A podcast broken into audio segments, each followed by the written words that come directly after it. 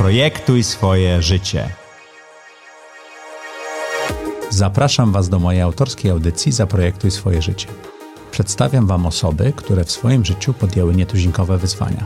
Moje pytania nie należą do łatwych, ale inspirują do zastanowienia się nad tym, co nas napędza i dokąd zmierzamy.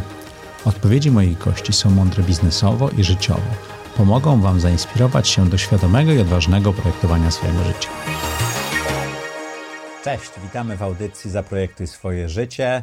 Jak co tydzień zapraszamy bardzo interesujące osoby, które mają nas zainspirować. Dzisiaj naszym gościem jest Olga Bukowska, która właśnie otworzyła biznes Plants for Humans. Nie kwiatki, tylko rośliny. To już dużo o tym rozmawialiśmy, że rośliny mhm. dla ludziów. Tak? Dla ludziów, dla, dla ludziów, humanów. Dla humanów. Także za chwilę o tym porozmawiamy. Dziękujemy, że zgodziłaś się przyjść. Nagrywamy to w marcu, marzec, miesiącem kobiet na Zaprojektuj swoje życie. Olga, czy pamiętasz, kiedy się spotkaliśmy pierwszy raz? Tak. Poznaliśmy się na szkole rodzenia. O Boże. Tak. No. Ja byłam w ciąży i twoja partnerka. Wszyscy byliśmy spóźnieni do, do naszej szkoły rodzenia i wszyscy poznaliśmy się w korytarzu w jakimś absolutnym pędzie. A Ania z wami pracowała chyba, nie? Przez moment w Maku. Tak, Ania znała się z Grześkiem na pewno, okay. z moim mężem. Ja pracowałam w innym biurze w Maku, więc znaliśmy się dużo mniej. Ale no tak, no tam się spotkaliśmy i mój mąż znał się z twoją partnerką i w taki sposób się poznaliśmy. Pamiętam tą kuchnię. Namawiałem was wtedy, tak. żeby, żeby Grzegorz przystąpił do YPO. Tak. Tak, i skutecznie to się udało I to zrobić. się wydarzyło, tak. I tak. teraz utrzymujemy kontakt w YPO. No. Jak ci się podoba YPO? Bardzo ciekawe doświadczenie, które na pewno dużo wnosi do mojego I jesteś życia. w forum, prawda? Jestem w forum. Dzięki temu mam kontakt jakby z kobietami, które też są w podobnej sytuacji jak ja, też są partnerkami bardzo okay.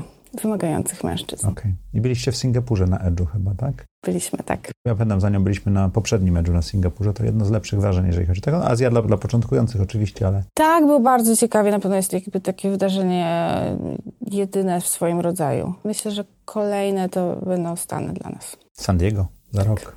Tak. No dobrze. To jak do tej pory wyglądało projektowanie Twojego życia? Nie do końca intencjonalne, ale zawsze był jakiś wielki plan. Zastanawiałam się nad tym, jak przysłałeś mi pytania, to gdzieś tam w mojej głowie kręciły się odpowiedzi na temat tego. To, co się wykręciło z głowy? Wykręciło się jakby ten moment, w którym ja teraz jestem i to, że teraz mam swoją firmę i to, że teraz prowadzę Plants for Humans, to jest bardzo nieprzypadek. To znaczy ja już mając 23 lata i kończąc studia, wiedziałam o tym, że kiedyś chcę założyć swój biznes. Ale ten albo taki? Nie, w ogóle nie okay. wiedziałam, że ten i w ogóle nie wiedziałam, że taki. Wiedziałam, że to jest ten cel, do którego ja w jakiś sposób chcę dążyć. Mhm. I też już wtedy wiedziałam i byłam bardzo świadoma tego, że nie jestem na to gotowa. I Naprawdę, to, to jest niesamowite. O. I ja zawsze o tym wiedziałam. To znaczy, zawsze starałam się sobie znaleźć miejsca, które sprawią, że ja poczuję, że już jestem gotowa. Mhm. Ale pracowałaś w McKinsey'u, pracowałaś w Unileverze. Tak. Jednym z ciekawszych startupów fintechowych w Polsce w tak. Bilonie, tak. w którym ja jestem tak. inwestorem. E, taki tak. disclosure. Taki disclosure. Czyli tyle czasu trzeba było, żeby. Tak, ja, żeby tego, ja tego potrzebowałam. To jest też tak, że kiedy ja trafiłam do Maka, Pamiętam, że w pierwszym tygodniu przechodzisz taki onboarding, kiedy mhm. mówią ci, jak w ogóle przetrwać w tej firmie. I jedną z rzeczy, które mówią ci w pierwszym tygodniu, i to jakby kilka różnych osób ci to powtarza, to jest to, że powinieneś mieć plan wyjścia. To znaczy, powinieneś, jak przychodzisz tam, to ty powinieneś bardzo szybko się zorientować, co chcesz zrobić ze sobą po McKinsey. Ale to zależy od poziomu, na którym wychodzisz, bo możesz wyjść jako tak, młodszy oczywiście, partner, ale, partner, musi, ale dyrektor. Ty, tak, ale ty powinieneś mieć plan. Czy chcesz okay. zostać po wyjściu, nie wiem, CEO jakiegoś biznesu, czy chcesz założyć swój biznes. Jakby okay. powinieneś wiedzieć, po to, żeby wiedzieć, w jaki sposób też prowadzić swoją karierę w maku, to znaczy, żeby wiedzieć, na jakie projekty chcesz jeździć, co chcesz z nich wyjąć, na czym chcesz się skupić. I Jaki był twój plan wyjścia? Ja wiedziałam, ja wiedziałam już wtedy, bo jakby bardzo szybko się zorientowałam, że moim planem wyjścia będzie przejście do rzemiosła. To znaczy ja w McKinsey pracowałam w praktyce marketingowej. To jest po prostu obszar taki, w którym pracowałam na różnych projektach, które były mniej lub bardziej związane z marketingiem, z tym obszarem. Postanowiłeś zostać ale wciąż doradzam. rzemieślniczym. Dokładnie, ale ja wiedziałam, że okej, okay, ja tylko doradzam. Ja tylko tutaj tworzę przepraszam, slajdy i obserwuję, co się z tym dalej wydarzy. Jakby nie obrażając nikogo z McKinsey'a, jednym z najważniejszych produktów firmy jest slajd. Nie, to jest wiedza.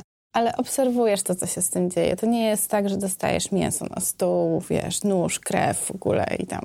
Więc ja bardzo tego chciałam.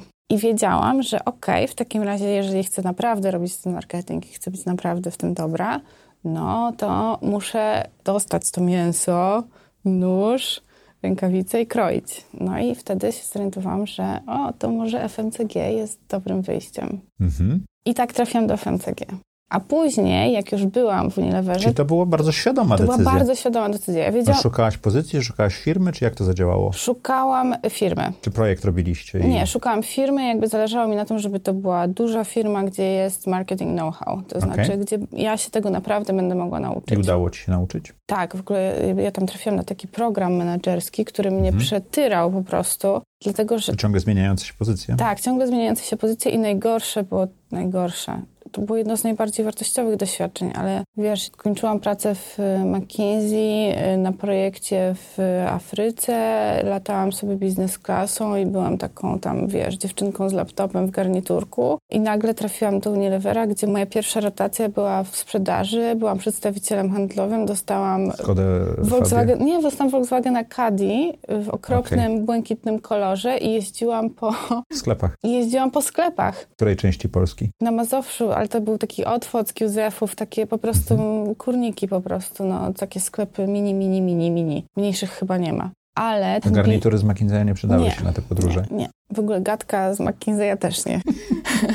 Wiesz, wchodzisz do takiego sklepu i tam jakby... Um, no wchodzisz do sklepu i pani ma zły dzień i mówi ci nie dzisiaj, wypieprzaj na przykład. Albo nawet bardziej soczyście. Albo nawet bardziej soczyście. I to był taki clash, ale ja wiedziałam, po co ja tam jestem. I to znaczy, to było niesamowite. I co jeszcze robiłaś w tej rotacji? Później pracowałam, w, później już jakby wróciłam do biura. To znaczy, intencją tej rotacji, którą mają zrobić wszyscy na moim programie, wtedy to trwało 6 miesięcy. Teraz wydaje mi się, że skrócono to do trzech, bo ludzie nie wytrzymywali.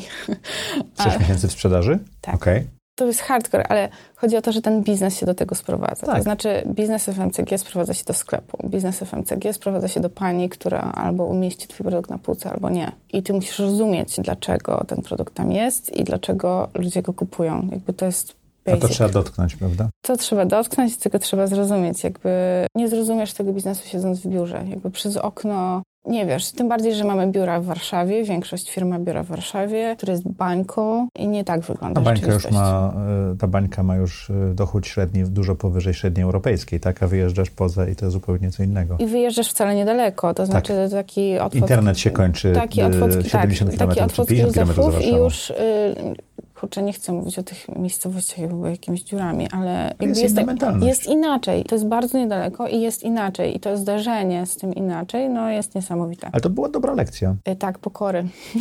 Ale potem poszłaś do marketingu i tak, potem rozumiałaś, byłam... rozumiałaś tak, jak to działa, tak? Dużo lepiej rozumiałam, jak to działa i byłam w stanie nawet prowadzić takie projekty, które były crossowe, to znaczy one miały łączyć i marketing i sprzedaż. To znaczy faktycznie byłam w stanie rozmawiać z jednymi i z drugimi to jest, to jest często problem, wydaje mi się, dla marketerów rozmawianie ze sprzedażą, bo marketerzy nie rozumieją rzeczywistości sprzedawców. Sprzedawcy właśnie doświadczają świata na zewnątrz, rozmawiają z działami zakupów, rozmawiają z tą panią, która tam jest w tym małym sklepiku i mają zupełnie inne podejście do rzeczy niż y, marketerzy, którzy widzą trochę wyidealizowany świat swojej, swojego pomysłu i genialnej kreacji. Nie mogę powiedzieć, że wtedy była jakoś przesadnie szczęśliwa, to znaczy wspaniale się czułam z tym, co robię. Jakby to, to nie jest moja Ale to, to na, nie jest to moja nam nie daje szczęścia, często nas wzmacnia. No właśnie, więc to mnie bardzo dużo nauczyło. To skąd pomysł przejścia z dużej ja międzynarodowej organizacji tak. na, do startupu? Ja już w Unileverze pamiętam, że miałam rozmowę z moim szefem, który był y, też takim moim mentorem. To była taka sytuacja, kiedy rozmawialiśmy o różnych planach i ja mu wtedy powiedziałam, to było jeszcze chyba półtora roku zanim ja stamtąd odeszłam, ale ja mu już wtedy powiedziałam, słuchaj, jeżeli ja odejdę z, z Unilevera, to na pewno nie odejdę do innej korporacji FMCG.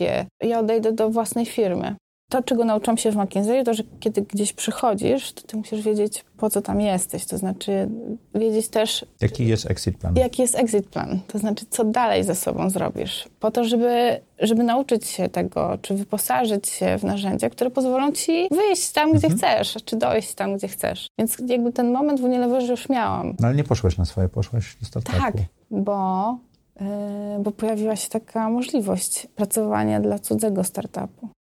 Myślę, że to jest trochę tak, że jakby jak teraz na to sobie patrzę i ja sobie potrafię ułożyć oczywiście w głowie idealną historię do tego, to w McKinsey nauczyłam się myśleć. W Unileverze nauczyłam się takiego twardego rzemiosła po prostu, mhm. takiego robienia y, rękoma. I to, czego mi brakowało do tego, żeby założyć własną firmę, to była taka gotowość mentalna. Ryzyka? Podejmowania tak, ryzyka? Tak. Oswojenia się z tym, że nie wiem, czy dostanę pensję. Oswojenia się z tym, że nie mam pojęcia, czy coś wyjdzie. Oswojenia się z tym, że odpowiedzialność jest tylko i wyłącznie na mnie. To znaczy, jak ty coś tworzysz w startupie, to nie jest tak, że ty możesz powiedzieć, że tutaj warunki były niesprzyjające albo ktoś coś zmienił, miał na to wpływ. Ty masz wpływ, ty za to odpowiadasz. Ty tworzysz te, projekty swoje życie. Ty masz decydujący wpływ na to, jak to wygląda. Ja i zespół oczywiście. Ja, oczywiście i zespół, oczywiście. Ale kiedy pracujesz w korporacji albo kiedy pracujesz w McKinsey'u, to nigdy nie jest osobista odpowiedzialność. Ale w startupie to jest, no Bilon jest dość dużą firmą w tej chwili już. Jak ty przychodziłeś, ile osób pracowało w Bilonie? Jak ja przychodziłam, pracowało 40 osób. No to już jest, na startup to jest duża firma. Tak, tylko że ja dostałam w Bilonie od razu zadanie, za które byłam odpowiedzialna, które było moje. Okej. Okay. Czyli tam CEO tego projektu, tak? Tak, tak. I jakby ja, wiesz, raportu, pracowałam też bezpośrednio dla Andrzeja, mhm. więc y, no to haken. To była duża odpowiedzialność. Okay. Jakby mentalnie dla mnie to było bardzo, bardzo duże. Byłam odpowiedzialna za to, żeby zbudować bilon w środowisku graczy. Miałam okay. zrobić beta test. Twitch. E, miałam zrobić beta test Twitcha. Okej. Okay. No, ciekawy projekt był. Tak, i zrobiłam to. Mhm. I wtedy w ogóle to jest interesujące, bo my się poznaliśmy właśnie wtedy. Wtedy byłaś w ciąży? Wtedy byłam w ciąży, tak. Okay.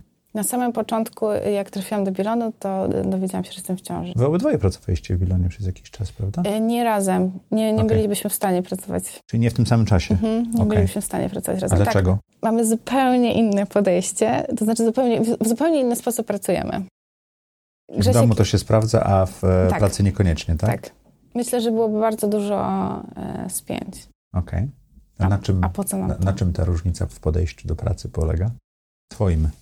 Jestem dużo bardziej, jakby ja bardzo mocno polegam na intuicji, bardzo okay. mocno polegam na wyczuciu i bardzo, i pozwalam sobie na to. Pomimo dwóch lat pracy w McKinsey'u? Tak. Okej. Okay.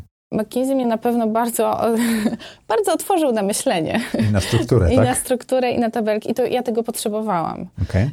I to, co się wydarzyło ze mną w McKinsey, to była najlepsza rzecz, która mogła mi się przydarzyć. To znaczy faktycznie nauczenie mnie struktury, myślenia i, i ja miałam też taką tendencję do tego, że fiksowałam się na takim, właśnie fiksowałam się na tym moim przeczuciu, i e, na tym rozwiązaniu, które ja uważałam jakoś w, w, głowie za najbardziej słuszne, a to, do czego zmusił mnie McKinsey, to do tego, żebym patrzyła na całe spektrum możliwości. I używała logiki, a nie tak, podświadomości. ale też, żebym się nie bała po prostu okay. tego całego spektrum, bo to okay. wydaje mi się, że bardzo łatwo jest uciekać do rzeczy, z którymi czujesz się najbardziej komfortowo, emocjonalnie, tak? I te rozwiązania, które dla ciebie są najbardziej komfortowe, ja miałam tendencję do tego, żeby się na nich fiksować. To, czego mnie nauczyło i, i tam pchać ze wszystkich sił. To, czego mnie nauczyło McKinsey, to to, żeby tego nie robić. To znaczy, żeby dać sobie czas na to, żeby naprawdę na spokojnie i bez strachu przyjrzeć się wszystkiemu. To jest bardzo dużo. Okej, okay. dostałaś swój własny projekt, rozwijałaś go. Ja zawsze Najwięcej uczymy się e, na porażkach. Jaka była twoja największa porażka w Bilonie? Myślę, że to, że ostatecznie cały ten kanał, czy cała ta grupa graczy nie jest strategicznym produktem. produktem. A czemu to była Twoja porażka? W zasadzie to nie wiem, czy powinnam traktować to osobiście. Może. Yy, może to dobrze, to in, może tak inaczej tak zadam to samo być. pytanie. To czego Ciebie ta porażka nauczyła? Właśnie, wiesz co, tak sobie myślę, tak sobie teraz myślę, że w zasadzie to powinna mnie nauczyć tego, że są rzeczy, na które ja nie mam wpływu. Okay mogłam się tam nachytać po prostu po uszy i, to, i tak by nie wyszło. Więc... Tak trochę we własnym biznesie zawsze jest. Y, no właśnie, więc y, może tą gotowość mi to, to doświadczenie dało. To znaczy mhm. nie boję się w ogóle tego. Mhm. Nie boję się sprawdzić, nie boję się nie wiedzieć, czy wyjdzie. A może wyjdzie, a może nie wyjdzie. No ale podjęłaś, tak układając swoje życie, tak. jak sam powiedziałeś, trochę przypadkowo, ale bardzo logicznie, jak patrzymy mhm. do tyłu, to tak jak łódką płyniesz z tyłu, zawsze jest kilometr, wiadomo, jak płynęliśmy przed nami, zawsze otwarte morze i nie wiadomo dokąd płynąć, nie? Tak. To trochę tak było, ale ułożyłaś ale tutaj ale, logikę, ale tutaj warsztat, tutaj ryzyko, mhm postanowiłeś zrobić swoją firmę własną i miałeś bardzo ciekawy proces dochodzenia do tego, co to ma być, jak to ma być tak. i tak dalej. Opowiesz o tym trochę, bo, bo, bo, przez moment nawet byłem częścią tego procesu. Tak. Nie odchodziłam z Bielonu wiedząc, co będę robić. To znaczy, to odejście było bardziej związane z tym, że ja już po prostu nie mogłam tam być, mhm. ale to był taki moment, kiedy ja wiedziałam, że muszę dać sobie czas na to, żeby, żeby wpaść na pomysł żeby do tego dojść. I nawet nie wiedziałam wtedy, kiedy odchodziłam z Bilonu, nawet nie wiedziałam, czy to już jest ten moment na założenie mhm. własnej firmy, czy może powinnam szukać pracy gdzieś. I pojawiały się jakieś propozycje i żadna z nich, ja, ja przez to już kiedyś przechodziłam, ale po prostu żadna z nich, ja, ja, nie czułam nic, a wręcz czułam, że nie chcę tam iść do żadnego z tych miejsc. Mhm. I pojechaliśmy właśnie wtedy, dałam sobie ileś tam miesięcy, powiedziałam, Ile? jakby miałam, jakby nie okay. ograniczałam się. Okay. Ale miałam y, jakby oszczędności i wiedziałam, że stać mnie też na to, żebym, żebym sobie na spokojnie przemyślała, co chcę ze sobą dalej zrobić. I wtedy pojechaliśmy... Czyli taką świadomą dziurę na myślenie sobie zrobiłaś. Dziura na myślenie, dokładnie. Okay. Wyjechaliśmy wtedy właśnie do Singapuru na Edge. Mhm. Wyjechaliśmy wtedy na wakacje. Pchałam siebie do tego, żeby nie myśleć o co tym, robić co, co, robić dalej. Okay. Chciałam się zupełnie, totalnie wyłączyć. I jak byliśmy w Singapurze, pamiętam, że rozmawialiśmy o czymś po jakimś wykładzie z Grześkiem i on w pewnym momencie powiedział słuchaj, uważam, że powinnaś założyć własną firmę, i że byłabyś w tym świetna. Wow. I jak ktoś zna mojego męża, to wie, że to nie są, to nie są rzeczy, które on mówi. To znaczy, jest bardzo skrytym człowiekiem i jakby takie porady w stylu powinnaś zrobić to i to, to jest w ogóle nie w jego stylu. Okay. Więc to było dla mnie, co, co? Ty mi mówisz takie coś? To było niesamowite. I to było to zdanie, które zdecydowało o tym, że ja. Czyli że pełne wsparcie w domu. Tak, to znaczy to nawet nie chodzi o pełne wsparcie w domu. To Takie chodzi, emocjonalne. To chodzi o pełne wsparcie mojego partnera i to nawet nie chodzi o wsparcie, tylko to, że ten człowiek, ten jeden człowiek, na którym mi naprawdę zależy, powiedział, że on uważa, że, że tak, że w ogóle powinnam to robić. No dobrze, to co było potem? Bo potem miałaś taką serię spotkań chyba, prawda? Potem miałam okay. pomysł i jak już miałam pomysł, to wiedziałam, że nasz wspólny znajomy Tadeusz zawsze powtarza, że rzeczy należy robić światowo. To światowo. Jest, światowo. To jest Dobrze. jego powiedzenie. Światowo. To ja stwierdziłam, że jak robię światowo, bo trzeba robić porządnie, to muszę się spotkać z ludźmi, którzy wiedzą, jak się te startupy robi. Albo co to znaczy światowo? Co to znaczy światowo i jak w tych startupach się ogarnąć. Więc wtedy przyszedłeś mi do głowy ty, a że znaliśmy się z IPO, no to napisałam mhm. do ciebie. I pamiętam, że ty y, Czytałem jakąś listę osób, do których masz tak, uderzyć. Dokładnie, tak? to było super. No i właśnie spotkałam się z Agą Liszką Dobrowolską mhm. z Oddech to Życie i z Natalią Myszkowską z Cateringu. Mhm. I każda z nich dała mi rady, które były w ogóle nie do przecenienia. To znaczy nie, nie, ten biznes nie istniałby w takiej formie, w jakiej istnieje, gdyby nie spotkanie z nimi. Szczególnie spotkanie z Agą Liszką było dla mnie niesamowite. Pamiętam, że pojechałam do niej, kiedy już istniała strona, która miała testować koncept. Mój tornister? Nie, moja strona. Twoja strona, okay. Tak, i po prostu testowałam sam pomysł. To, mhm. to była strona zaślepka, w której opisywałyśmy co, na, na, czym będzie polegał ten sklep i był taki, był test różnych wartości, które strzelałyśmy, że ok, mogą mieć znaczenie i sprawdzałyśmy, które z nich są najbardziej atrakcyjne. Mhm. Ja byłam strasznie dumna z tego, że robimy taki, taki lean startup i w ogóle, a Aga tak patrzy na mnie i mówi, wiesz co, zrób to najpierw tak, jak ty byś chciała to zrobić. I to było dla mnie takie, co? a potem sobie pomyślałam, że to jest pierwszy raz w moim życiu, kiedy naprawdę ja mogę zrobić coś od początku do końca, tak jak ja chcę. Aha. I koniec. I będzie tak, jak ja chcę. I tak to zrobiłam. I to jest, to jest super. I oczywiście, że też włączam feedback y, klientów, ale bardzo dużo. Ten biznes nie wyglądałby tak, jak wygląda, gdyby nie to, że Aga wtedy mi to powiedziała. Teraz jest to Twój biznes. Tak, jest bardzo mój. To znaczy, ja bym się, y, ja bym się zajeżdżała myśleniem o tym, czy należy robić tak, czy to, czy inni tak robią, czy to jest best practice, czy to nie jest best practice. W ogóle tego nie robiłam i myślę, że też y, y, w pewnym momencie wyłączyłam po prostu zastanawianie się przesadne nad tym, jak zrobiliby to inni, albo jak należy coś robić, albo jak to powinno wyglądać według tak podręcznikowo.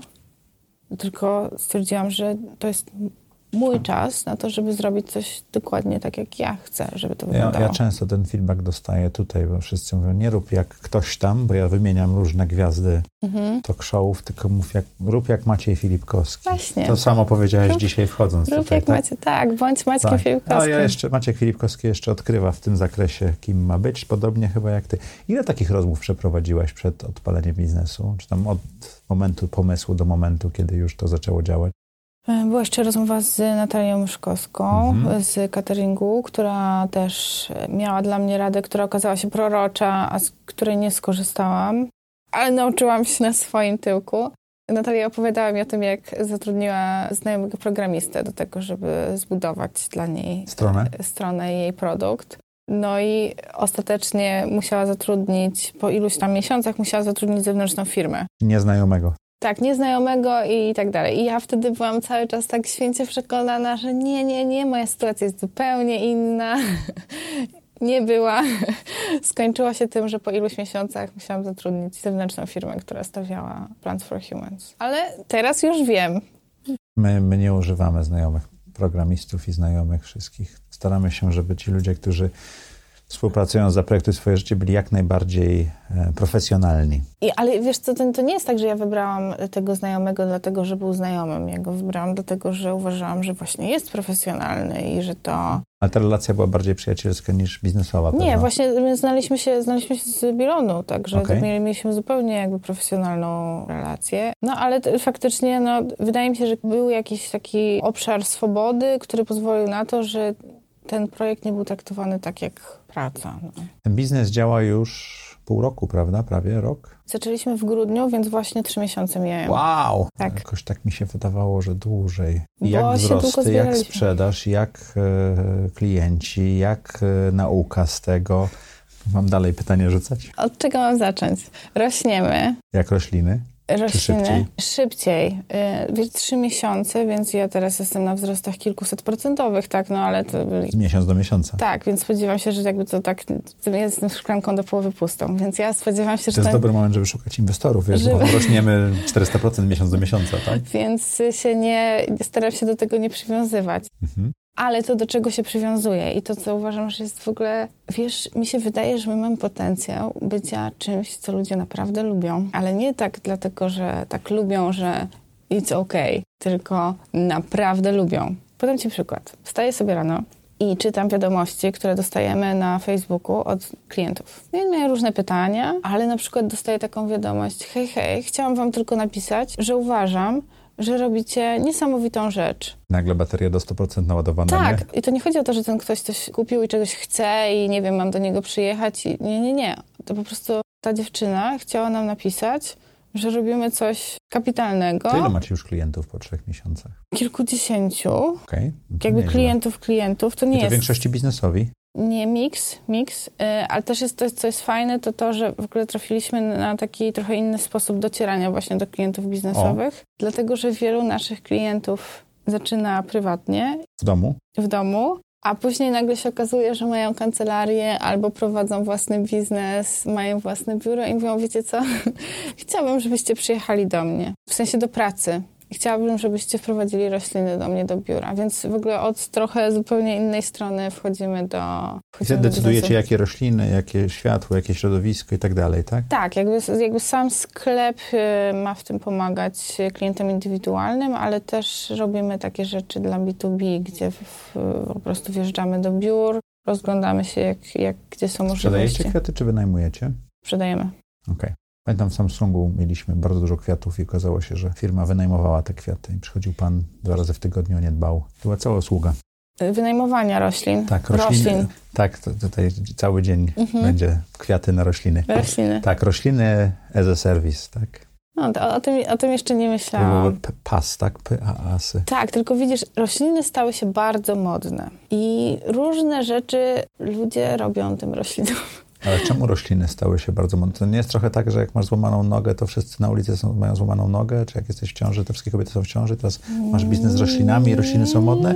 Czy one rzeczywiście są modne? Nie są modne. To znaczy, jeżeli... Nie, kropka są modne. Nie, kropka są modne. Dużo rzeczy się do tego przyczynia. Mhm.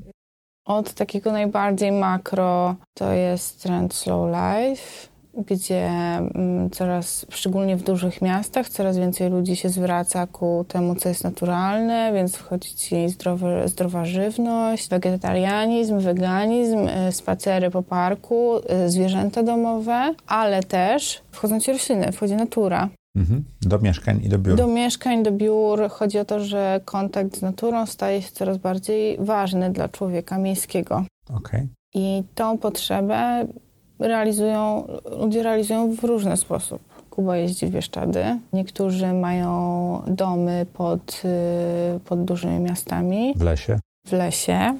Inni wyjeżdżają nad morze, wyprowadzają się w ogóle z Warszawy do Sopotu i spędzają dni spacerując y, po plaży. A jeszcze inni nie mają takiej możliwości, ale mogą wprowadzić sobie rośliny do swojego życia co też jest kontaktem z materią organiczną, co też jest kontaktem z naturą. I jakby ten trend makro, wydaje mi się, że bardzo się przyczynia do tego, że coraz więcej tych roślin. A jak dbasz o to, żeby te rośliny były czyste? Bo ja kiedyś miałem taką palmiarnię w domu i zakupiłem jeszcze jedną palmę w obi wtedy i ten biały przę... Wełnowiec. Wełnowiec, tak. Albo przędziorek. Przędziorek no. to był. Mhm. Przędziorek mi zjadł cały las mój. Więc ja nie mam tego problemu, Bo? ponieważ gdyż nie mam, raz, nie mam magazynu, to znaczy ja nie trzymam tych roślin. No ale dostawcy twoi gwarantują, że nie są... Tak. Okay. I, I, to jest tak, że ja się wybrałam po prostu do tej Holandii, co mhm. jest... Ja myślałam, że to jest oczywiste, że to się robi. Ale jak byłam w Holandii, to się okazuje, że nawet z dużych jakby centrów ogrodniczych, centrów ogrodniczych, tam nie wybierają się właściciele. Po prostu... Przyjechałaś i wszyscy byli zaskoczeni, że ktoś zapukał do drzwi? To nie było do końca tak, że ja tam przyjechałam, zapukałam i powiedziałam, dzień dobry, chciałam kupować rośliny. E, wysłałam maila najpierw. I oni mnie... Wysiadam z samolotu za 15 I, minut. I oni, mnie za... I oni w zasadzie, to była też trochę ich inicjatywa, bo oni byli tak zdziwieni, że ktoś w ogóle do nich napisał, że ktoś chce to robić. Ja tam musiałam poznać jakby menadżerów na... Rodzinę całą? Całą... To rodzinny biznes, czy... Nie, nie, nie, to jest gigantyczna firma, ale ja musiałam poznać menadżera na całą Europę Środkowo-Wschodnią, żeby on w ogóle zaakceptował to, że to nie jest ściema, że to nie jest w ogóle jakiś... Ale co byłoby ściemą? Że chcesz kwiaty od nich kupować? Tak, i że ten biznes to w ogóle to nie będzie jakaś mici-pici yy, kwiaciarenka na rogu, ani że, że, że ja to traktuję poważnie. Ale to twoje doświadczenie korporacyjne ci pomogło w takim spotkaniu, czy nie? Tak, na pewno, no bo jak opowiedziałam o moim doświadczeniu i o tym, co robiłam do tej pory w życiu i że jakby to, ten pomysł na ten nagle biznes... Nagle stałaś się większym partnerem, tak? Tak, to nagle stałam się, to nagle stałam się poważnym partnerem, bo okay. oni takich maili dostają bardzo dużo po prostu. A. I one są, one Chciałbym są odsiewane. otworzyć. Tak, chciałbym kupować rośliny. To jak się przebiłaś, że, że się chcieli spotkać? To jest trochę śmieszne, mi się wydaje, bo ja wysyłam... No to ważne, to inspirujemy ja ludzi. Ja wysyłałam maile jakby absolutnie wszędzie w tej, tej Holandii. I y, to, to mi w ogóle powiedział mój, mój kolega, który ma hurtownię y, ogrodniczą, że w ogóle tacy dystrybutorzy są i tam trzeba się do nich przebić i z nimi rozmawiać. I jest ta giełda y, kwiat, roślinna. I w, w końcu odpisał mi jeden na tam dziesiątki maili, które wysłałam. I jakby opisuję. Czyli zrobisz taki pełen spam. Tak, i, ale też robiłam to tak, że różne komunikaty e, przygotowałam Aha. w tych mailach. To znaczy różnie do tego podchodziłam i raz pisałam w taki sposób o tym, raz pisałam o tym w taki sposób. Raz po prostu listowałam wszystkie rośliny, które chciałabym. Innym razem bardziej się skupiałam na tym, czym jest e, ta idea. I w końcu... To który, który e-mail się przebił? Ten z ideą. I, ale okay. napisałam, że... Ale napisałam w ogóle tak na grubych klockach, że w ogóle chcę otworzyć sklep online, który będzie działał we wszystkich największych miastach w Polsce. I mam finansowanie i coś tam, coś tam. Jakoś tak trochę to uszyłam. Fake it till you make it. Fake it till you make it. I zrobiłam to. Okej. Okay. No i spotkałaś się i co? I napisałam to po angielsku i się okazało, że y, to było dla mnie oczywiste, ale y, okazało się, że pan, który był odpowiedzialny za Polskę, mówi po holendersku i mówi po polsku, nie mówi po angielsku. Ale to, co przeczytał z tego, a przesłano mu to, do niego to trafiło, hej, hej, to jest jakaś dziewczyna z Polski, może na to spojrzysz. Przesłano mu to, a on z tego maila zrozumiał tylko y, Warszawa, Gdańsk, Wrocław, Aha. Poznań i mu cyknęło. O, o, o, o, o, to może To być może, to, może to, ca- czyli całe kopie nie było ważne, ważne były słowa kluczowe, tak? Tak, tak, tak. I, ale przecież nie mogłam tego przewidzieć. Miałeś takie SEO dobrze zrobione. Kurczę. I, y, I on do mnie odpisał. No jak już odpisał cokolwiek, no to już go miałam. To znaczy już po prostu nie puściłam go.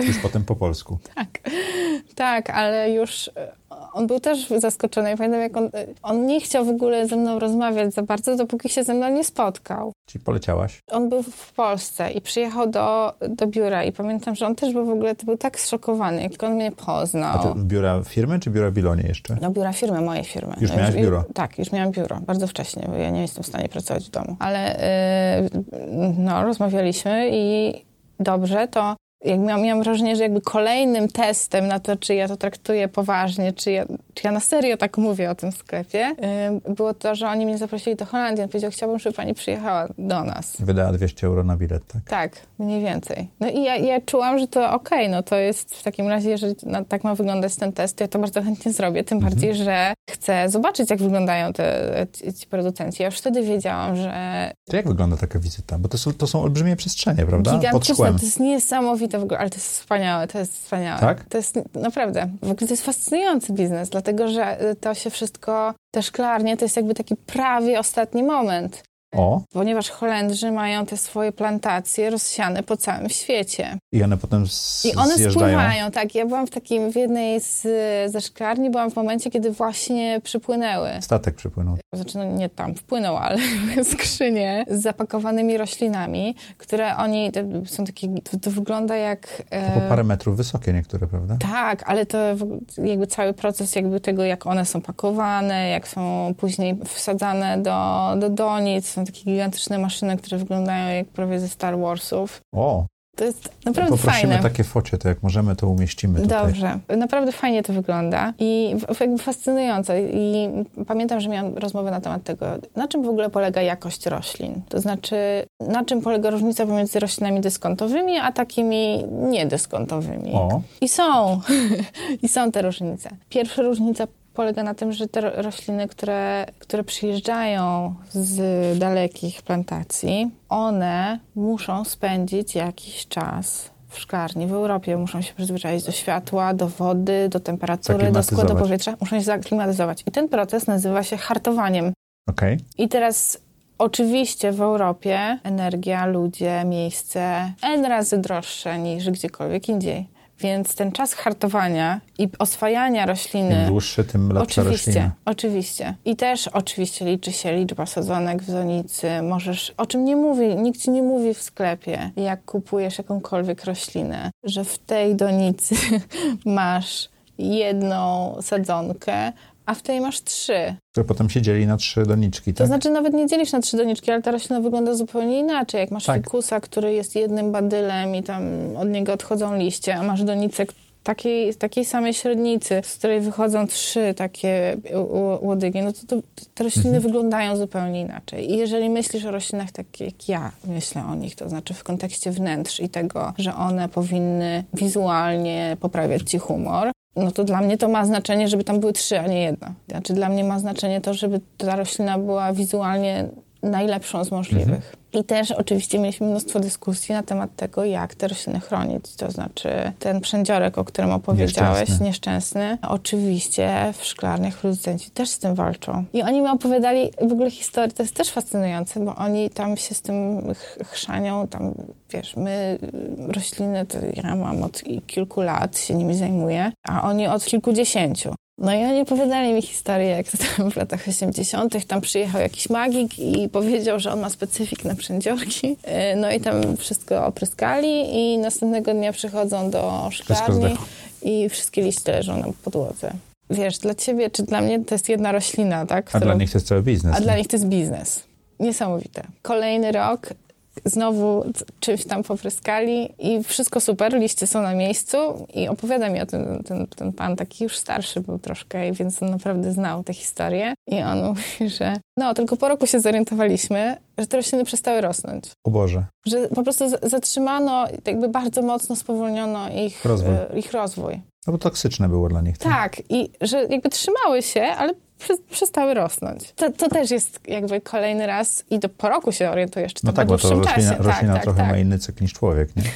I w końcu um, zwrócili się ku naturze i teraz um, wszędzie w szklarniach wiszą um, saszetki z robaczkami. Bo jak masz robaczki, takie przędziorki, to są inne robaczki, które, które jedzą te robaczki. Tak tego się używa. I teraz ja używam w domu też tego. O? Tak, wypuszczam robaczki w domu. I okazuje się, że na każdego robaczka jest, jest inny. Jest robaczek morderca. A takie robaczki można kupić? Tak, można je kupić. I te robaczki to może wrócę przędzi... do palm. Tak, robaczki na, na przędziorki nazywają się dobroczynki. Mhm ale ostatnio odkryłam robaczka na e, wełnowca i nazywa się, wełnowiec po angielsku to jest millibug mhm. i e, robaczek na wełnowca nazywa się millibug destroyer. Po prostu jak krążownik jakiś. millibug destroyer. Ale to jest ciekawe, wow. że możesz, na, natura wymyśliła, a my Czas, próbujemy nie, wszystko tak, inne Tak, tak, tak. My się, my się chrzanimy tam z chemią i, i Jeżeli ja jako firma kupię od ciebie te rośliny, to wy mhm. dbacie później o nie? Tak. To jest część usługi? Tak, możemy I, i robimy to. Teraz właśnie... Czyli macie taki plant as a service? Tak, i mamy ludzi do tego przede wszystkim, okay. bo to, no jest, to jest najtrudniejsze. Tak, to jest jakby dużo bardziej wymagające i tak robimy to. No bo taka kancelaria prawnicza, o której mówiłaś, no to chyba, że ktoś jest e, fanem roślin nie, nie już, już zajmował? widzimy, że to nie działa. Y, to znaczy widzimy. No, mamy, y, mamy klienta, to jest biuro startup też, w którym pracuje kilkadziesiąt osób i jedna z założycielek mm, bardzo lubi rośliny i chciała wprowadzić rośliny do biura. I ona poświęciła swój czas i energię na to, żeby pojechać do tam, jednego ze sklepów. I ona mi później opowiada, słuchaj, spędziłam tam 6 godzin, w ogóle było strasznie. Wyszłyśmy stamtąd wściekłe z asystentką. Te rośliny później przyjechały nie takie, jakie miały i w ogóle strasznie. Więc doświadczenie krapi. No i ambicją ich było to, żeby właśnie ludzie się zajmowali tymi roślinami w, w pracy, to znaczy, żeby wchodzili w interakcję. Ta, startup, programiści. Nie, to nie wyszło. To znaczy, to, to nie wychodzi. Ludzie się nie zajmą roślinami w pracy. Ja, ja, też widzę po sobie, ja mam rośliny w biurze. To jest ostatnia rzecz, którą ja robię w tygodniu i jak już y, po prostu sobie y, naprawdę zmuszę się do tego, że No ja wybrałem najbardziej, wybrałem najbardziej yy, tak. wybaczającą roślinę chyba na świecie. Tak, takie trzeba A w ogóle dostaliśmy nową, tutaj można pokazać, o, proszę. Tak. O, tutaj dostaliśmy nową, zobaczymy jak będzie się rozwijała, równie wybaczająca. Bardzo Proszę. wybaczająca, masoniana. Bardzo wybaczająca. masoniana. Myślałam, że będzie pasować masoniana? do Macka. Ta masoniana. Dobrze. Będzie pasować, y, jak podcast będzie się rozwijał i audycja będzie rosła, to masoniana będzie mhm. z nami się rozwijać również. Tak. Dziękujemy ślicznie. Proszę.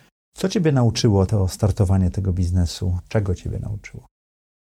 To mi uświadomiło więcej. Przeszłam tą długą drogę do tego, żeby założyć ten biznes i jakby wiele rzeczy jak gdzieś poskładałam i wiele rzeczy mhm. mam i mam, mam rzemiosło, mam myślenie i jakby jestem już oswojona z wieloma sytuacjami, ale to, to mi uświadomiło, że ja jako, że, że ja już tam w jakimś stopniu jestem, w sensie jestem gotowa do tego, żeby to robić. Codziennie się okazuje, że radzę sobie z podejmowaniem decyzji, które są bardzo trudne i zupełnie nie wiadomo, która droga jest właściwa. I jestem w tej Każda okazuje się dobra. I nie? każda okazuje się dobra, i, i tylko chodzi o to, żeby ją dobrze wyegzekwować. Mhm. To są rzeczy, jakby ja się, ja się bardziej uczę siebie, to znaczy bardziej poznaję siebie niż yy, i uświadamiam sobie, do, do, czego naprawdę jestem zdolna, niż, yy, niż uczę się jakichś tam technicznych rzeczy. Y, nie wiem, tworzenia strony. No, no tak, no z- zrobiłam to, postawiłam sklep, cały czas jakby uczę się tego, jak no, go, jak go opracowywać, prawda? tak, jak, go, y, jak, jak powinien działać i jak, y, jak wygląda dobry UX. Ale wydaje mi się, że najbardziej wartościowe jest to, jak ja poznaję siebie i to, i to jaką drogę ja przechodzę osobiście. No. Okay. Chodzi o mnie przecież. Nie, nie, powiedziałaś coś bardzo ważnego, mi się przypomniało. Jestem czwarty rok na swoim i w korporacji, żeby odnosić sukces, znaczy w dużej firmie, trzeba robić dobre wrażenie. We własnym biznesie trzeba robić. Mhm. Jak nie zrobisz, to nie to będzie nie zrobione. Tak, tak, tak. Tak, tam nie ma innej opcji, to się po prostu nie ma wielkiej machiny, która i tak się toczy, tak? To, to teraz powiedz, jak wygląda twój typowy dzień przedsiębiorcy? Najlepiej. Najlepiej. Ojej. Najlepiej, bo należy do mnie. o której zaczynasz? Mam mały, przyjeżdżam sobie do pracy na relaksie. o 10. Ale zajmujesz się głódkiem, tak? Zajmuję tak? się głódkiem, tak.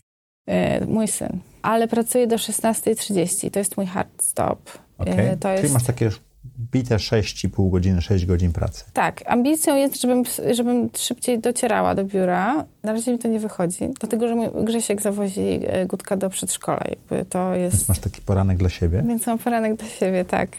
Siłka, te sprawy, tak? Nie, nie, nie, nie, po prostu śpię. Poranek dla siebie. Po prostu, po prostu śpię albo się guzdrze. Okay. I jest. Okay. Chociaż wiesz, to też jest tak, że w tym momencie, w dzisiejszych czasach, biznes prowadzisz przez telefon. To znaczy, ja mam wszystko w telefonie. I jeżeli są jakieś wiadomości od moich klientów albo coś się dzieje, to ja bardzo wiele rzeczy mogę załatwić już. Czyli pracujesz przed pójściem do biura. O, o biznesie myślę non-stop. To jest największa wada tego i to, tak. to jest coś, czego chcę się nauczyć. To znaczy, to jest dla mnie bardzo ważne, żebym nauczyła się siebie wyłączyć. Nie wiem, jak on to nie, zrobić. Wiesz co, jak znam przedsiębiorców, z którymi rozmawiałem, to jeszcze nie znam takiego, który 24-7 nie, nie myślał. Ja no najlepsze właśnie. pomysły mam wtedy, kiedy nie pracuję. Kiedy jestem poza i, i nagle myślę o tej firmie ciągle, o tym, co chcę zrobić i tak dalej. Non stop mi się to po prostu już, ale zastanawiam się, czy nie, nie przychodzi taki moment, że już po prostu masz dość tego, że ci no, się tam to wierci. Pytanie, czy ci się to podoba, co robisz, czy nie.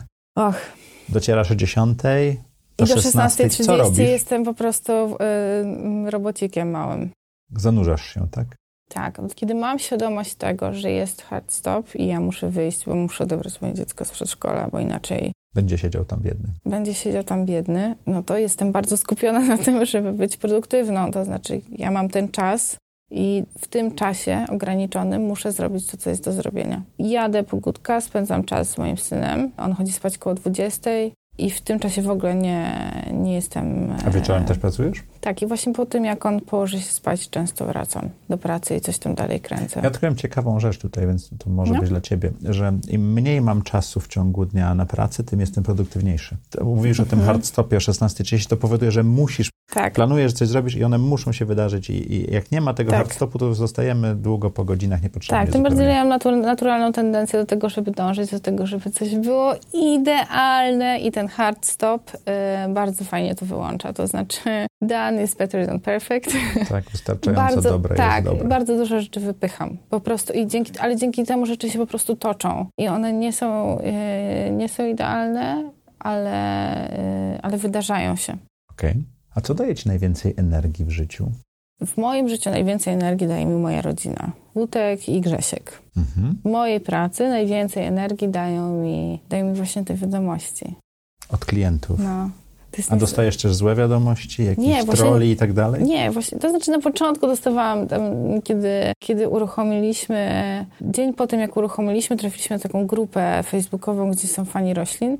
Pamiętam, pamiętam stamtąd jeden komentarz, tam Maciek z Zanzibaru, Kuba z Kamerunu, a ceny z kosmosu. To, to, to, to zapamiętałam. No i to, to, gdzieś tam we mnie zostało i jakoś się z tym przejęłam, ale później stwierdziłam, no, że... masz jakiś jakiś cel, target, zupełnie do inny. którego będziesz sprzedawała, zupełnie, tak? Zupełnie inny. Zresztą mam też zupełnie inne rośliny niż yy, jakby w, tej tamte, grupie. niż w tej grupie, więc to zupełnie... Ale zabolało? Jak poczułam to. I No. cały czas to pamiętam. No. Że ja się tutaj tak przecież, że to jest takie fajne, że to jest Maciek z Zanzibaru, a wy tak sprowadzacie to do czegoś takiego. Jak kuzyn z Ameryki dobył, pamiętam, Grek, który ma firmę, która robi wideo i tak dalej, tam pierwsze zdjęcia robiłem No. stąd, on mówi, masz jakieś przedpotopowe mikrofony. Właśnie czujesz takie rzeczy. Potem zaraz kupiłem te, tak? Aha. Nie, ja nie zmieniłam cen, ale jakby jestem dużo... Ale na pewno oswoiłam się z tym, że okej, nie wszyscy będą, y, nie wszyscy będą moimi klientami, ale ci, którzy są, właśnie wysyłają mi takie wiadomości. I to, to, to, nie, to ta, ta dziewczyna, która mi wysłała tą wiadomość, to nie jest jedyna. Te- Tego jest naprawdę dużo. I ja się zastanawiałam, czy może tak Ale jest. Masz taki biznes, taki, wiesz, przyjemno, przyjemne rzeczy sprzedajesz. Tak, ale wydaje mi się, że też robię to w dobry sposób. Bo ludzie Po na swojemu, Tak, to co mówiłeś. tak, tak, tak, ale i właśnie, i wiesz co, wydaje mi się, że ludzie to wyczuwają, że to jest, że to jest bardzo osobiste, że to nie jest... e, Przyciągasz takich ludzi, którzy... Tak, tak. I no, dowozimy te rośliny do domu i na przykład ludzie nas zapraszają, pytają się, czy chcemy się czegoś napić. I w ogóle chcą z nami pogadać o tych Czyli to roślinach. nie jest dostawa pana z e, DPD i do widzenia, tak? Nie, nie, my przyjeżdżamy, my przyjeżdżamy. przyjeżdżacie, ustawiacie tak, i tak, tak, dalej. tak, tak, tak, tak. No i to jest zupełnie Wow. inna energia. Więc ten dzień dostaw jest turbo y, wycieńczający. To ile dostaw? y, Macie jeden dzień w tygodniu dostaw? Tak, Jaki to jest dzień? sobota. Czemu sobota? Dlatego, że wtedy ludzie są w domu. Aha. Wtedy mają czas A na to, żeby przyjąć tą B2B roślinę. sprzedaż, to też sobota? Nie. Nie, wtedy dostarczamy w tygodniu. Umawiamy Okej. się już wtedy indywidualnie. Okej, ale generalnie sobota jest dniem dostaw. Tak. Czyli pracujesz w weekend. Tak, Mm. to nie jest moja intencja. Ile tej soboty ci to zajmuje? No ale uczysz Całą. się... I nauczyłam się prowadzić samochód dostawczy. Czyli twoim superpower jest prowadzenie, supermocą jest prowadzenie Tak, dostawczaka? Znaczy, tak, też. Y, ostatnio, ostatnio ale w ogóle też kapitalne rzeczy się dzieją, jak to robię. Y, jeżdżę sobie tam po Ursynowie tym samochodem, naprawdę dużym, takim Fiat Ducato, największy jaki jest. Okej. Wysiadam z samochodu, to mam tą roślinę pod ręką i tak szukam tego adresu, a na tym Ursynowie, to, ja nie wiem, kto wymyślił numerację tych blokowisk. Przecież to się w ogóle kupy nie trzyma, przepraszam. No i, i widzi, podchodzi do mnie pani starsza z laseczką i mówi, przepraszam, ja widziałam, że pani prowadzi taki duży samochód. Pani jest taki, taka dzielna. Ja w związku z tym widzę, że pani jest taka zagubiona, że pani tutaj nie może... Ja pani pomogę. Proszę mi powiedzieć, czego pani szuka? Przodowniczki pracy na traktory było takie hasło Naprawdę, kiedyś. naprawdę uderzyłam w tę nutę, trafiłam i pani mnie zaprowadziła pod właściwy adres. Zdarzyło mi się też, że utknęłam na Mokotowie, bo za- zaparkowane jakoś tak bardzo po obu stronach i musiałam, ale wtedy już byłam, bardzo szybko zareagowałam i y, Emocjonalnie czy logicznie? logicznie, Okej. logicznie opanowałam swój wstyd i jakoś tak staram się z godnością to zrobić, żeby wyjść i poprosić pana, który stał za mną i już był gotowy, żeby trąbić, żeby mi pomógł, bo y, samochody stały po obu stronach ulicy, jakby źle były zaparkowane, no ale mimo wszystko musiałam się jakoś tam przycisnąć. Podeszłaś do tego logicznie. Tak, i z godnością. I pan w ogóle też bardzo ładnie się zachował, pomógł mi, w ogóle było No to super. normalne, wiesz, to jak, traktujemy ludzi, tak to działa, tak? Zadziałało. No dobrze, to trzy rzeczy, które chciałabyś robić za trzy lata. Myślałam, jakby to nie jest tak, że ja codziennie sobie myślę o tym, co chcę robić za trzy lata. To twoje pytanie mnie do tego sprowokowało. No moje jakie- pytania mają być takie trochę tak. prowokujące. Tak. I tak jak w każdym z tych miejsc, które gdzieś po drodze były, na wejściu wiedziałam, w którym kierunku idę i co chcę dalej robić. To dla mnie założenie własnego biznesu to był trochę do tej pory ten cel. Więc teraz jakby już w nim jestem. No i, i dopiero twoje pytanie yy, sprawiło, że... Jaka jest opcja wyjścia? Jaka jest opcja wyjścia? Co chcę, co chcę dalej z tego mieć? Co, czego ja się chcę nauczyć? Po co? Jakby Mhm. mam to robić dla mnie osobiście, to znaczy jak ja chcę się w tym rozwinąć, żeby co ze sobą dalej zrobić. Myślę o tym, że jest jeszcze jeden obszar, który jest dla mnie trochę nieodkryty, a bardzo atrakcyjny. I Ja jestem dzieckiem nauczycieli i ym, noszę to w sobie, uczenie. I wiem, że... Oddawanie. Mhm. I myślę, że myślę, że to będzie coś, do czego będę dążyć. Znaczy, chciałabym kiedyś dzielić się tym doświadczeniem, które teraz zbieram i które, które mam, no, i zebrałam do tej pory i które teraz przechodzę. Wydaje mi się, że to może być coś wartościowego. Słuchaj, najtrudniejsza albo najlepsza decyzja, którą podjęłaś w życiu to? Pierwsza, która jest jakby punktem referencyjnym dla mnie teraz. Jeszcze nie skończyłam studiów. Pamiętam, że byłam wtedy na Erasmusie w Lizbonie. I to był ostatni rok studiów. I ja byłam wtedy, w trakcie studiów dwa razy byłam na takim programie praktyk. I kiedy byłam w Lizbonie, moja menedżerka napisała do mnie, że oferuje mi pracę. Okej. I ja się rozpłakałam, jak to przeczytałam. Dlaczego się rozpłakałaś? Dlatego, że to było, to było bardzo dziwne. To było zaskakujące też dla mnie. To nie jest normalna reakcja, kiedy ktoś ci oferuje pracę, bo twierdzi, że jesteś spoko, prawda? Nie ma nic normalnego, mamy reakcje, jakie mamy. Tak, właśnie. I, yy, I to była bardzo trudna, to było dla mnie zaskakujące, ale yy, to, co mi dźwięczało w głowie i to, co do dzisiaj pamiętam z tamtej sytuacji, to to, że ja miałam takie wrażenie i takie zdanie mi się kręciło, że jeżeli ja to zrobię, to moje życie się skończy. Okej. Naprawdę, yy, że ja trafię do tego banku, w którym pracuje tych setki tysięcy ludzi i ja tam już zostanę, że to będzie koniec. To było straszne dla mnie. Emocjonalnie. Emocjonalnie. I to nie, to nie była racjonalna decyzja. Nie, to, nie, był, nie, to był 2010 rok, to, to nie był rynek e, pracownika. Nic nie było oczywiste, nic nie było łatwe. To nie jest tak, że ja miałam wtedy jaką, jakąkolwiek formę poduszki czy zabezpieczenia, Mhm. które dawałoby mi komfort przebierania w ofertach. Mhm. Ale ja wtedy po tej reakcji wiedziałam, że jeżeli, że ja nie mogę tam pójść po prostu. No, wyobrażasz sobie Twoja podświadomość dała Iść- ci tak, feedback, tak? tak? codziennie e, pojawiać się w biurze, po czymś takim, kiedy w twojej głowie kołacze się, że to jest koniec twojego życia? Ja byłem w takim miejscu, gdzie bolała mnie głowa i było mi, wiesz, zacząłem dlić na myśl o to, że mam iść do biura tego dnia. No właśnie, no, no, to, no to ja bardzo wcześnie jakby z tego zrezygnowałam. Zanim. Tak, i to była pierwsza taka rzecz, którą zrobiłam, która była nieracjonalna i pozwoliłam sobie na to, żeby, żeby nie podejmować racjonalnej decyzji. Co więcej, dostałam tą ofertę i jeszcze dwie inne. Jakby wrażenie było podobne, już nie tak intensywne, ale ja już wiedziałam, to nie jest. że to nie jest to. Czyli nie pójście tam, gdzie nie, nie, nie masz tam. czuja, to nie. była ta decyzja najważniejsza, tak? tak? To była pierwsza, która jest właśnie punktem referencyjnym i dzisiaj ja w ten sposób podejmuję decyzje. To tak? do czego dążysz, jak podejmujesz tę decyzję? Do mojego szczęścia. Bardzo ulotna rzecz, żeby do niej dojść.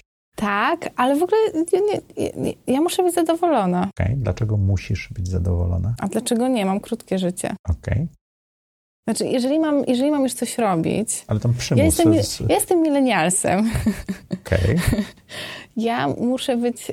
Ja muszę czuć, że to, co robię, sprawia mi przyjemność. Nie, ja nie, nie będę się zmuszać.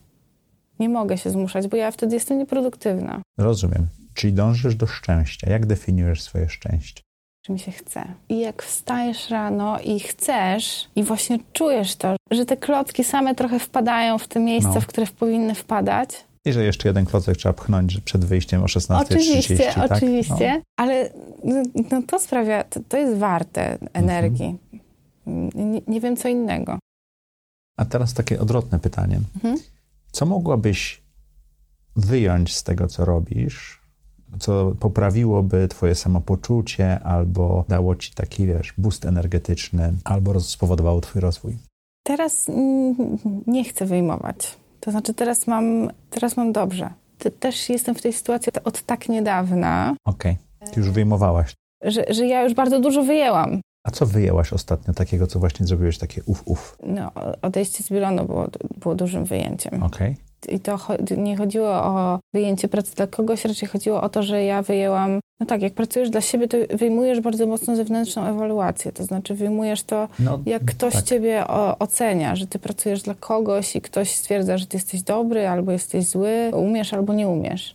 Tą ewaluację ja, innych ja, wyjęłaś. Ja ją wyjęłam. Ja sama oceniam. Rynek też ocenia. rynek też ocenia, ale przede wszystkim ja sama jestem dla siebie y, sterem i żeglarzem w tym momencie. Jak duży ma być plan for Humans? Duże. Jak duże, duże? Duże. Każde miasto w Polsce, czy Europa Centralna, czy... Duże miasta w Polsce. Okay. I jeżeli będę w stanie zrobić duże miasta w Polsce, to spokojnie będę w stanie zrobić duże miasta poza Polską. Okej. Okay. To tak nie do końca chyba działa, ale zobaczymy. Ja kibicuję. No, Bo ja wiem, jak mi startupy, które zainwestowałem, no mówiły, że wiesz, świat jest dla nich otworem. Więc i... ja tak nie myślę, że świat jest dla mnie otworem, ale myślę, że, że jeżeli będę w stanie zrobić Wrocław, to będę w stanie zrobić Pragę na przykład, tak? To jest to samo praktycznie, no. Hmm. Na razie tak to widzę. To dobrze, dobrze, dlatego mówię, że kibicuję. Poz, pozwalam sobie tak nie, to widzieć. To, to wiesz, to niesamowite, niesamowite. Na razie jest Warszawa, testujesz koncept. Tak i to działa. Musimy się za rok, dwa spotkać, jak będziesz miała więcej e, lekcji właśnie, które będziemy mogli oddać. Tak, no, jestem, uczenia się. Sama jestem ciekawa. To znaczy, no, tak, no. No, jesteś w bardzo ciekawym momencie. To wymyśliłaś, ruszyłaś i teraz trzeba I działa, to dowieść. I tak, i jest milion rzeczy, które, które robimy gdzieś w biegu. Milion decyzji, które podejmuję codziennie. I nie mam pojęcia, co wyjdzie z tego. Dobrze. Twoje Power Five, te pięć osób, które pomaga ci być kim jesteś. Widzisz, to jest tak, że są ludzie, którzy mnie ciągnęli mhm. i przyciągali do rzeczy dobrych. I są też ludzie, od których ja uciekałam. I wydaje Albo mi się, inspirowali? Raczej tak, ale wiesz co, wydaje mi się, że ja nie jestem fanką motywacji negatywnej, ale mam wrażenie, że w moim przypadku jakby jest bardzo dużo tego takiego uciekania od... Napędziło cię to, że chciałaś inaczej? Tak, tak. Więc to tych nie wymienimy. A tych, nie a, tych, a tych, którzy napędzili cię, czy tych, którzy cię przyciągali, a nie odpychali? Ca całe mnóstwo. I to Ale takie pod... najważniejsze parę osób, żebyśmy, wiesz, mogli tutaj wiesz, wiesz, rozszerzać ja, gości do zaproszenia. Wiesz, ja mam wrażenie, że to nie jest tak, że... Zaraz wymienię, ale... Yy, którzy są aktualni. Ale chodzi o to, że ja na każdym etapie w moim życiu... To się zmienia, miałam, miałam innych ludzi, którzy mnie gdzieś zauważyli, w jakiś sposób uwierzyli we mnie i w moje możliwości. I oni uświadamiali mi, młotkiem waląc w moją głowę niemalże, że mogę więcej, bardziej, mocniej, szybciej, Dobrze, lepiej. to teraz jako początkujący przedsiębiorca najbardziej pomaga Ci, inspiruje Najbardziej Cię pomaga rozmowa mi. z przeczytanie. Zdecydowanie najbardziej pomaga mi mój mąż Okej, i to jest, też przedsiębiorca. to jest też przedsiębiorca, ale to była ta najważniejsza rozmowa, która w ogóle o tym zdecydowała. Nie wiem, czy jestem jakby, y, czy to jest kwestia tego, że y, jestem kobietą, czy nie, ale wydaje mi się, że y, dla kobiet szczególnie partner jest ważny i jego Znaczy po sobie wiem, że dla mężczyzn szczególnie też, Też partnerka jest partner. ważna. Okej, no to, to w To takim razie partner. uniwersalna prawda, partner, turbo istotne. Okej, Tadek Kuropatwiński miał gigantyczny wpływ na to, e, na moje zaprosić. wyzwolenie. Adam Ambroży, który był moim mentorem w czasie, kiedy byłam w Pilonie. mhm. E, On teraz jest w Berlinie i pracuje tam w startupie. Myślę, że te osoby miały, miały gigantyczny wpływ Wiesz, na no, to, ja, gdzie ja, ja wiem, to Tim Ferris kiedyś mówił, ja wierzę w to, że te osoby, którymi się otaczamy w pewnym sensie pomagają nam być e, lepszymi. Tak, i, y, i, to, i to jest prawda. Ja, na każdym etapie mojego życia, w każdym kluczowym momencie były osoby, które miałam wrażenie, że po prostu brały mnie za uszy i wyciągały do góry. Mhm. A poza jeżdżeniem dużym dostawczakiem, czy masz jakąś supermoc?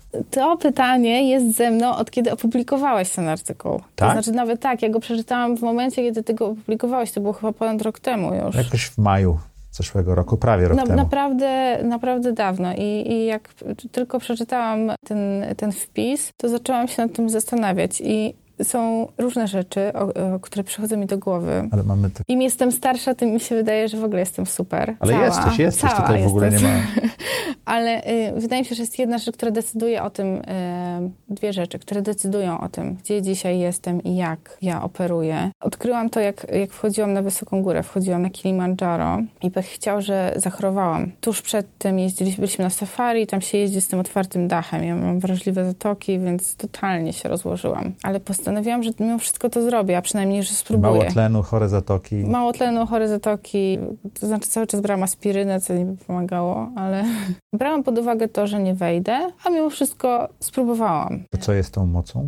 A do tego pamiętam, że w tamtym czasie czytałam książkę Kamińskiego o em, podróży na biegun północny. Mhm. I on tam pisał o tym, że w pewnym momencie to już nie chodzi o ambicje, o cel, o tą satysfakcję. W pewnym momencie po prostu liczysz kroki. Mhm. Ja też, jak byłam taka chora i zmarnowana, to myślałam sobie, dobra, po prostu będę liczyć te cholerne kroki. I ja to potrafię robić też w życiu i to jest moja superpower. Moja determinacja ma długi termin ważności. Podziwiam. Wracając do trochę lżejszych tematów, ale też takich na zasadzie zaprojektuj Mhm. swoje życie. Czego nauczyłaś się w zeszłym roku? Wolności. Bo z kulminacją było otwarcie biznesu w grudniu, tak? Czyli Tak. wolności. Tak, w ogóle polegania, Jak na, definiujesz polegania na wolność? sobie. Wydaje mi się, że to, że ja musiałam odbyć tą drogę i Mhm. to, że ja mm, mówię dzisiaj o tym, że mm, wiesz, jak miałam 23 lata, to nie byłam gotowa na to, żeby założyć y, biznes, a mm, kurczę, 19-latki w Stanach są. To jest podróż, I to jest to, to cel. mimo wszystko pokazuje jakby, ym, że moje poczucie własnej gotowości, czy moje poczucie własnej wartości było w zupełnie innym miejscu niż jest dzisiaj. Zeszły rok był dla mnie o tyle przełomowy, że ja po prostu poczułam, że okej, jakby jestem gotowa. To było dla mnie, to było dla mnie najbardziej przełomowe, że tak, wykonałam tych milion kroków. e, Licząc je. licząc je powolutku, cierpliwie do celu. I już nie ma co udawać, że potrzebuję wykonać jeszcze, jeszcze kolejny milion. Już Bukowska, opanuj się, rób to. To już jest, to już jest ten moment, To tak? już jest ten moment, rób to.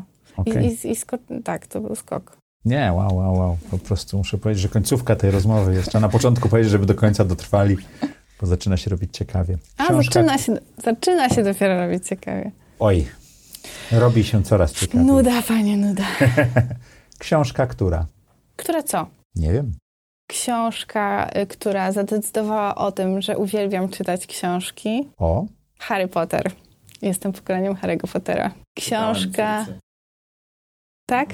Nie. łóżku co wieczór. tak. Ja, y, to, to jest książka, która mnie wciągnęła w czytelnictwo. Książka, która, y, która do mnie powraca regularnie, y, Buszujący w zbożu.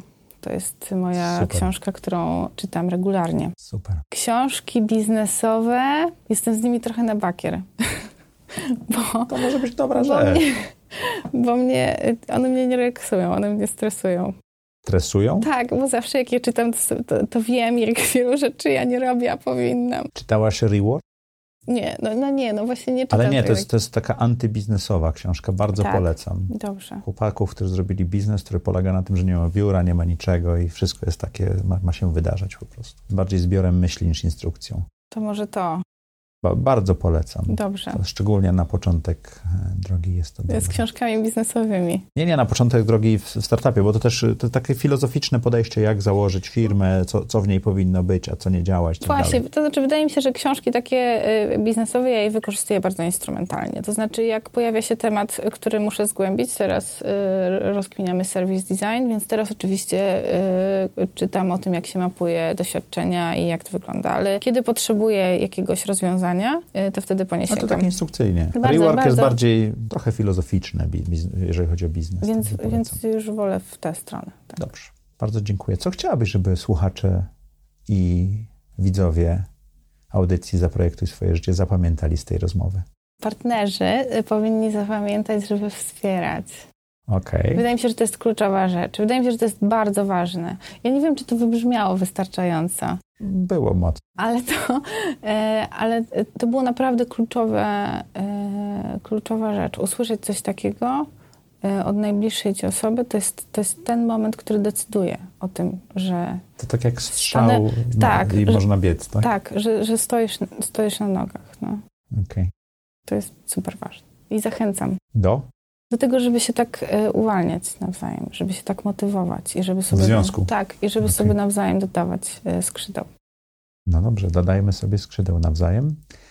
E, naszym gościem była Olga Bukowska, Plans for Humans, e, jak również cała droga, do której doszła do tego. E, nasza roślinka będzie powoli z nami rosła, tak jak nasza audycja. Zapraszamy co tydzień w czwartki o czwartej. Bardzo Wam dziękujemy. Olga, bardzo Ci dziękuję. To była niesamowita rozmowa dla mnie. Naprawdę. Dziękuję.